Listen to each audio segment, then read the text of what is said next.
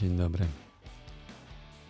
Serdecznie zapraszam na czwartą już część mini poradnika dla piekarni i cukierni, którego tytuł brzmi Kiedy Twoja firma potrzebuje pomocy. Dzisiejsza część czwarta nosi tytuł Co zapewni przyszłość rzemieślniczym piekarniom. Czyta autor Bogdan Smolosz. Tym razem skupię się na dwóch zagadnieniach. Kto z nas powinien stawić czoła rzeczywistości i szukać e, rozwiązań z myślą o przyszłości oraz jakie piekarnie mogą rozwijać się w konkurencyjnych warunkach rynkowych. W poprzednim felietonie postawiłem pytanie, czy zawsze i za wszelką cenę należy walczyć o firmę. Wskazywałem, jak przygotować się do trudnych decyzji. Tym razem będzie o wyzwaniach sukcesji, plusach butikowych piekarni sensie piekarskiego rzemiosła. Piekarnie i cukiernie prowadzimy od lat. Wielokrotnie przyszło nam się dostosowywać do warunków, jakie stworzył ustawodawca. Czy ktoś jeszcze pamięta czasy, kiedy rozpuszczaliśmy landrynki, żeby mieć cukier do ciasta, bo przydział miesięczny dla piekarni cukier nie wynosił 100 kg cukru? Zgromadzenie wszystkich potrzebnych składników było nie lada wyzwaniem. Warunki rynkowe były diametralnie różne dla różnych podmiotów i nie było to winą rzemieślników. W połowie lat 70., pracując w cukierni, Orbisowskiego hotelu mieliśmy dostęp do wszystkich składników, jakie tylko można było sobie wymarzyć. A w tym samym czasie u wujka w piekarni cukierni rzemieślniczej większość surowców była nie do zdobycia, ale wszyscy mogliśmy się dostosować. Pracowaliśmy nie martwiąc się o byt, bo sprzedawało się wszystko na pniu. Pomimo, że piekarni i cukierni było wielokrotnie więcej, co sprawia, że współcześnie wiele zakładów upada? Czy te same uwarunkowania będą powodem likwidacji kolejnych? Piekarnia z widokiem na sukcesję. Tym razem zajmiemy się piekarzami i cukiernikami, którzy zdecydowali się nie poddawać. Dużą grupę firm stanowią rzemieślnicze, kilkupokoleniowe piekarnie w trakcie sukcesji.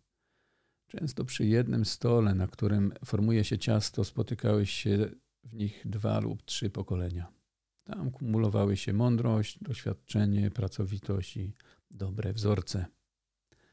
Niestety, oprócz wielu pozytywów, takim zakładom grozi też poważne niebezpieczeństwo, które może zniweczyć wspólne wysiłki.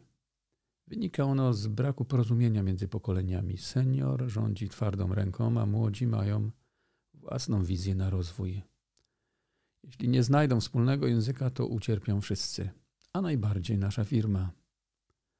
Rodzice muszą zrozumieć, że kurczowe trzymanie się steru nie ma sensu. Dlaczego? Bo są w gronie szczęściarzy, którzy zdołali zatrzymać przy sobie dzieci, a udało się to tylko nielicznym. Seniorzy powinni postrzegać to jako nagrodę, sukces i owoc swojej ciężkiej pracy. Pozwólcie sobie na zasłużony odpoczynek, a młodym dajcie szansę, przestrzeń na rozwój swój i firmy i według ich wizji. Zarobione pieniądze, spis posiadanych nieruchomości czy comiesięczne przychody są miarą sukcesu, a z pewnością jest nim pozyskanie dzieci, które przejmą zakład i zachowanie bardzo dobrych relacji w najbliższej rodzinie. Reszta jak się z pewnością po czasie okaże, nie ma większego znaczenia. Pokolenie przejmujące zakład powinno zapewnić rodzicom poczucie finansowego bezpieczeństwa, bo wiemy, że emerytura w wysokości 1500 zł świetlanej przyszłości nam nie zapewni. Wszyscy potrzebujemy zatem porozumienia, zgody, kompromisu oraz wzajemnej miłości. Rzemiosło w butiku. Kolejna grupa właścicieli, których przyszłość jest w miarę bezpieczna, to małe, butikowe pracownie chleba, ciast i tortów, pracujące własnymi rękami. korzystające z własnej wiedzy, zatrudniające co najwyżej członków rodziny lub maksymalnie trzech najemnych pracowników. Właściciel takiej piekarni czy cukierni musi znać swój fach, ciągle się dokształcać, by zastąpić każdego na każdym stanowisku. Czym mniejszy warsztat, tym bezpieczniejszy. Generuje skrajnie niskie koszty. Jego dochodów nie pochłania ZUS i inne pośrednie koszty zatrudnienia. Robi produkt niszowy, więc sprzedaje go drogo. Nie marnuje ani okruszka chleba, ani odrobiny surowca. Nie ma zwrotów, rozkradania, nie ma strat w nieudanych wypiekach. Tak naprawdę wszystko, co przeszło przez nasze ręce, zamieniamy na gotówkę.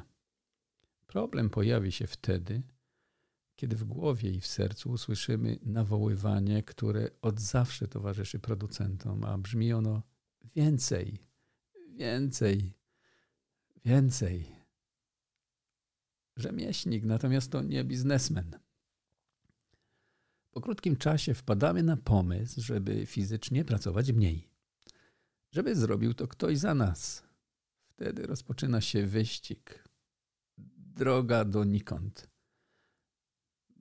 Branie udziału w wyścigu bez mety.